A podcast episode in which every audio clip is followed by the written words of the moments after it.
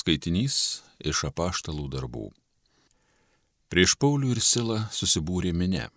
Tuomet pretoriai perplėšė jų palaidines ir įsakė juos nuplakti rykštėmis. Smarkiai nuplakdinę įmetė juos į kalėjimą, liepdami viršininkui rūpestingai sergėti. Gavęs tokį įsakymą, viršininkas įgrūdo juos į vidinę kamerą, o jų kojas, kad būtų saugiau, įtvėrė į šiekštą. Apie vidurnaktį Paulius ir Silas meldėsi ir gėdojo Dievui himną. Kiti kaliniai klausėsi. Staiga kilo toks stiprus žemės drebėjimas, jo kalėjimo pamatai susvyravo. Bematant atsivėrė durys ir visiems nukrito pančiai. Viršininkas nubudo ir pamatęs atviras kalėjimo duris, išsitraukė kalaviją ir norėjo nusižudyti. Jis pamanė, jog kaliniai pabėgė. Bet Paulius garsiai sušuko, nedaryk savo pikto, mes visi esame čionai.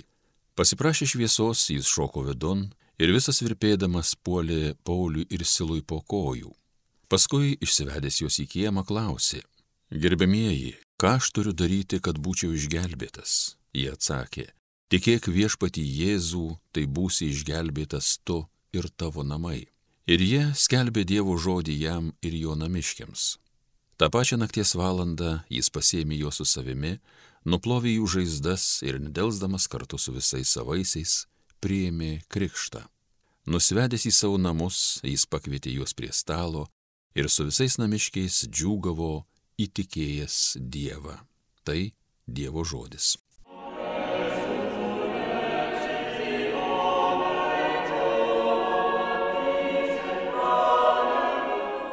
Tavo dešinė mane gelbi viešpatie. Visa širdimi tau Dieve dėkoju, kad išgirdai mano balsą. Angelų akise gėdu tau giesmę, lenkiuosi tavo šventoviai. Tavo dešiniai mane gelbi viešpatie. Tavajam vardui dėkoju už tavo malonę ištikimybę. Ta diena, kada šaukiaus, mane tu girdėjai, sustiprinai manąją sielą. Tavo dešiniai mane gelbi viešpatie. Tavo dešiniai mane gelbi, darbuojasi viešpatie mano geroviai Viešpatie, tu maloningas per amžius, netmeski, kas tavo rankų sukurta. Tavo dešinė mane gelbi viešpatie.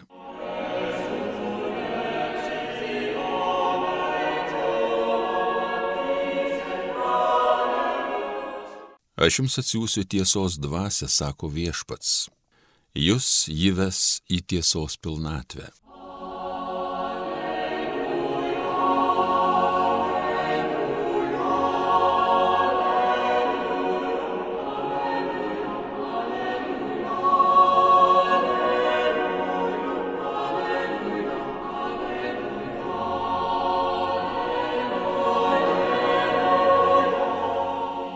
Iš Šventojios Evangelijos pagal Joną.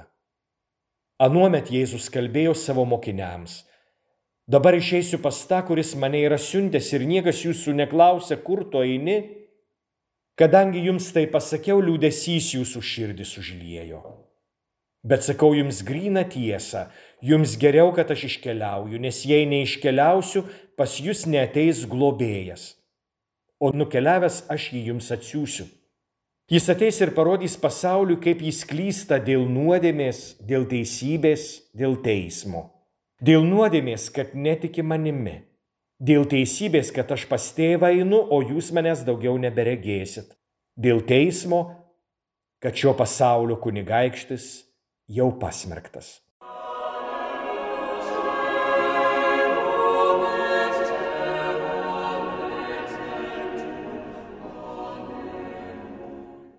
Brangus Marijos radio klausytojai, gyvename ypatingą Velykų laiką, kai apmastome Jėzaus buvimo su mokiniais, patirtis, Jėzaus pasirodymus, Jėzaus kalbėjimus, Jėzaus valgymus kartu. Ta paguodos laiką išgyvenam, kai turime išmokti suprasti, kad viešpats yra draugė su mumis nuolat. Šito per 40 dienų laikotarpį turėjo suprasti ir anie, dvylika ir visi kiti daugybė Jėzaus mokinių, su kuriais jis susitikinėdavo po prisikėlimo iš numirusių. Netrukus švesime viešpaties įžengimo į dangų iškilmę. Tad girdėdami šituos Evangelijos žodžius, natūraliai juos susijęjame su įžengimu į dangų. Išeisiu pas tą, kuris mane yra siuntęs, atrodo ir kalba apie būtent šitą žengimo į dangų iškilmę. Tačiau Evangelijoje pagal Joną šitie žodžiai buvo pasakyti visai kitame kontekste. Šitie žodžiai buvo prieš viešpaties kančią, prieš jo mirtį, prieš jo atmetimą. Šitie žodžiai buvo pasakyti prieš pačią tragiškiausią ir dramatiškiausią Jėzaus istorijos etapą. Šitie žodžiai tai žodžiai nuskambėję paskutinės vakarienės menėje, aukštutinėme kambaryje. Išeisiu pas tą, kuris mane yra siuntęs, yra kalba apie kryžių, apie tragediją, Jėzaus atmetimą. Bet būtent šitokiu būdu, šitokia forma Jėzus pereina pas tėvą. Jeigu neišeisiu, pas jūs neteis globėjas. Ir čia mums atrodo, kad kalba apie įžengimą į dangų. Jeigu viešpats neižengs į dangų, globėjas negalės ateiti pas mus. Bet globėjo ateimas pas mus yra susijęs ne su įžengimu į dangų, tą tikrąją žodžio prasme, bet su įžengimu į kryžiaus kančią, į tragediją, į tą atmetimą, kai savo norų turėjo būti išduotas. Štai štaip Euharistijoje krikščionys nuolat primena, kad Jėzaus mirtis nebuvo kokio nors suokalbio ar kokio nors nelaimingo atsitikimo ar politinių aplinkybių aktas. Jėzaus mirtis buvo jo laisvai pasirinktas, sunkus, nenorėtas, tragiškas, bet pasirinktas, kad mus išgelbėtų. Visai neseniai skaičiau vieno teologo mąstymą apie Jėzaus kančią. Ir ten buvo pasakyta, kad didžiausias nuopelnas, kurį Jėzus padarė ant kryžiaus, tai yra, kad nepasirinko jam siūlomo nužengimo nuo kryžiaus kad ant kryžiaus liko, nors galėjo nužengti, nors galėjo įrodyti, kad jis yra Dievas, kad jis yra visavaldis ir visagalis, kad jam nepavaldus nei kryžiai, nei vinys, bet jis liko ant kryžiaus iki galo. Savo noru turėjo būti kančiai išduotas, kad galėtų ateiti globėjas, kad jį galėtų atsiųsti mums Globėjo buvimas su mumis yra jo kryžiaus, jo kančios, jo atmetimo, jo išdavimo, jo mirties, jo palaidojimo ir jo prikeilimo vaisius. Kad galime gyventi su šventaja dvasia, tai yra dėl to, kad Jėzus numirė dėl mūsų, kad mus padarė Dievo sūnumis ir Dievo dukterimis, kad esame nauji žmonės, kad pasaulis yra naujas pasaulis, atpirktas Jėzaus krauju, numasgotas jo krauju. Įžengimas į dangų, broliai seserys, yra greičiau simbolinis veiksmas, simbolinis aktas.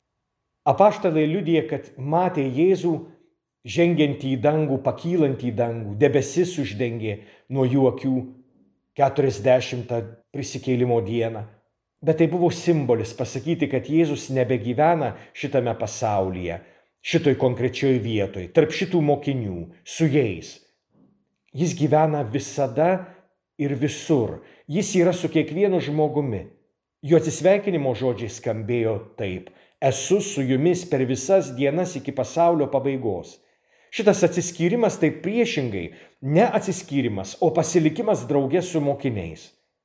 Dar intimesniu būdu, nei jis galėjo būti kartu su mokiniais, būdama žemėje prieš mirtį prieš prisikėlimą. Įžengimas į dangų ir šventosios dvasios atsiuntimas - tai tas intimiausias Dievo gyvenimas mumyse. Pasaulis šito negali pažinti, pajusti, pamatyti, nes tai paslėpta nuo jo akių.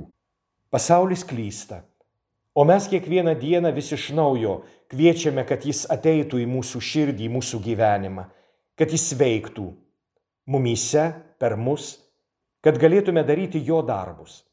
Štai kodėl taip svarbu kiekvieną rytą vis iš naujo sakyti, ateik šventoji dvasia, ateik ir būk visos mano veiklos įkvėpėja, pradžia ir pabaiga.